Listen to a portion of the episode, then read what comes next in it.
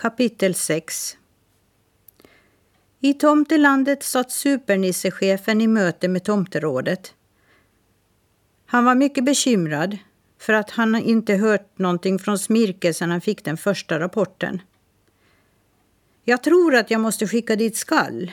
Han kan nosa sig fram till vad som hänt Smirke. Tomtefar höll med och sa det var nog ett misstag att skicka iväg Smirke ensam på så svåra uppdrag. Men han är ju en mycket speciell nisse, faktiskt mera speciell än han själv vet om, så jag tror nog han klarar det mesta. Men att skicka gamla Skall är ett bra beslut. Skall var en stor hund som bodde tillsammans med tomtarna i Nordpolen.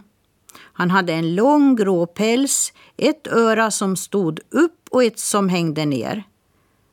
Skall hade varit med på många uppdrag och han kunde nosa sig fram till vad som helst, bara ingen lockade med prepplor, för det kunde han inte motstå. Då släppte han alla spår och slukade prepplorna istället tills han blev så mätt att han bara låg och kved. Sen fick han dåligt samvete och lovade dyrt och heligt att inte låta sig lockas flera gånger av de goda prepplorna. Nu var det så att alla prepplor sedan länge var ordentligt inlåsta i tomtelandet och det var bara supernissechefen som hade nyckel till förrådet. Så det var länge sedan Skall föråt sig på prepplor och därför litade man på att han kunde spåra när det behövdes.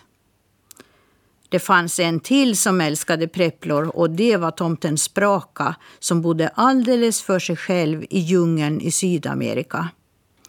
En gång i världen så bodde hon på Nordpolen med de andra i tomtefamiljen men hon och tomtefar kom inte riktigt överens om hur mycket prepplor man fick äta så det slutade med att Spraka tog sitt förråd av prepplor och flyttade till varmare trakter. Tomtefar och Spraka och de andra i tomtelandet träffades några gånger per år och utbytte erfarenheter och det gick bra så länge som Spraka lämnade sina prepplor hemma och inte försökte få supernissechefen att öppna sitt stora förråd. När Skall skulle åka och spåra upp Smirke fick han en förarnisse med sig. En liten kutryggig nissa som hette Serafina. Serafina var mycket gammal. Hon såg och hörde dåligt och behövde både glasögon och hörapparat. Det fanns moderna hörapparater i Tomteland men Serafina föredrog att ha en stor lur som hon satte till örat. I alla fall trodde hon att det var en gammaldags hörlur men de flinka tomtarna i apparatverkstaden hade monterat en mycket avancerad hörapparat i luren.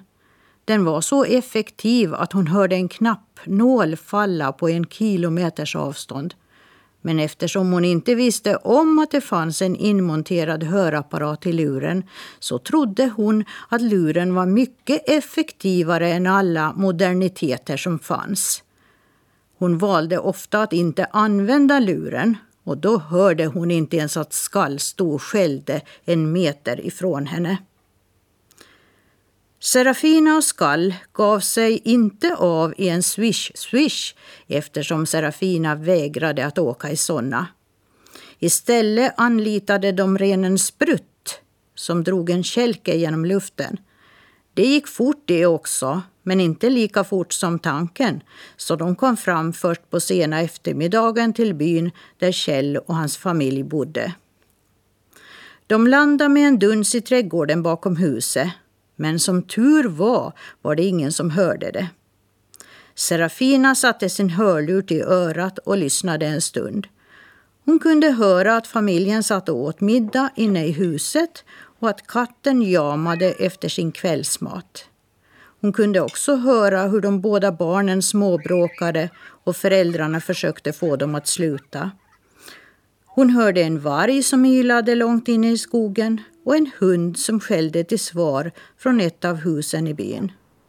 Brummandet av en bil hördes bortåt vägen och knirrknarr från fotsteg när någon gick till sin postlåda.